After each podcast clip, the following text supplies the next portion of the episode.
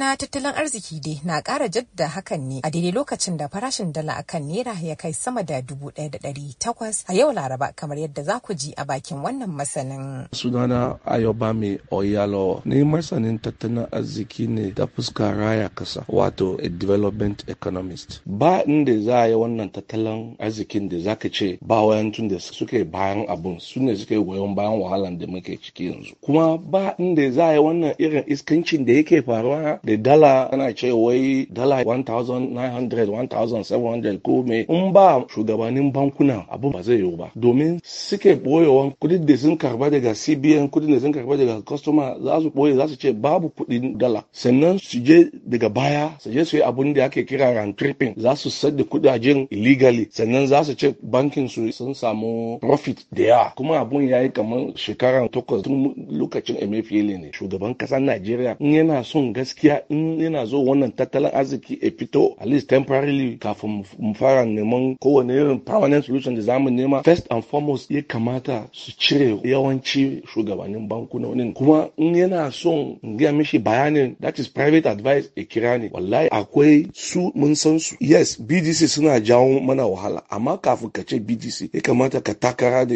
bankunonin. Sannan zaka ce okay in bankunoni sun fara aikin da ya kamata su yi. Domin akwai rules and regulation da banki ya kamata su aiki da shi. Amma yanzu ba wanda yake rules and regulation. Kowa yana abubuwan da ya so daga zuciyarsa ne. A nasa ɓangare masanin tattalin arziki malam kasim garba kurfi ya ce gaskiya al'amari waɗanda ya kamata a fara bincika su ne bankuna. Bankunan ƙasashen nan su suka yi kowa cin riba ga wannan abu to don mi ba za a diba al'amarin su ba? Sannan kuma na biyu mafi yawa ɗan kasuwa ba shine matsalar ba. Matsalar su ne masu sai su aji. Yau da a ce gwamnati ta diba ta ba da shawarar cewa kowa kada ya riƙe dala a hannun shi da ta wuce dubu goma. In kuma a kama ta gwamnati za ta ƙwace. Wannan da ya fi. Domin mafi yawan mutanen da suka sayi dala suka aje ta ba suna saye ba ne don su shigo da kaya kasa waje. Suna saye ne don suna ganin ba su da yarda da amincewa a naira. Saboda haka bari su aje kuɗin su a wannan karansi wannan kuma shi kai mu halin da yake ciki. To gaskiya al'amari dai dole gwamnati ta sake diba al'amuran waɗanda suke tafiyar da tattalin arzikin nan. Shin ya cancanta su tafiyar da shi? In bai cancanta ba a kawo wanda ya cancanta kuma a ɗauki mataki wanda duk za a iya ɗauka na gajeren lokaci domin gaskiya al'amuran mu sun wuce gona da iri Allah ya sauƙi. Shi ma shugaban ƙungiyar 'yan canjin kasuwannin bayan fage Alhaji Aminu Gwadabe ya ce. Matsalar da ake fuskanta matsala ce ta karanci kuma da nema neman ya ci supply din kuma yawancin bukatocin gan haka duba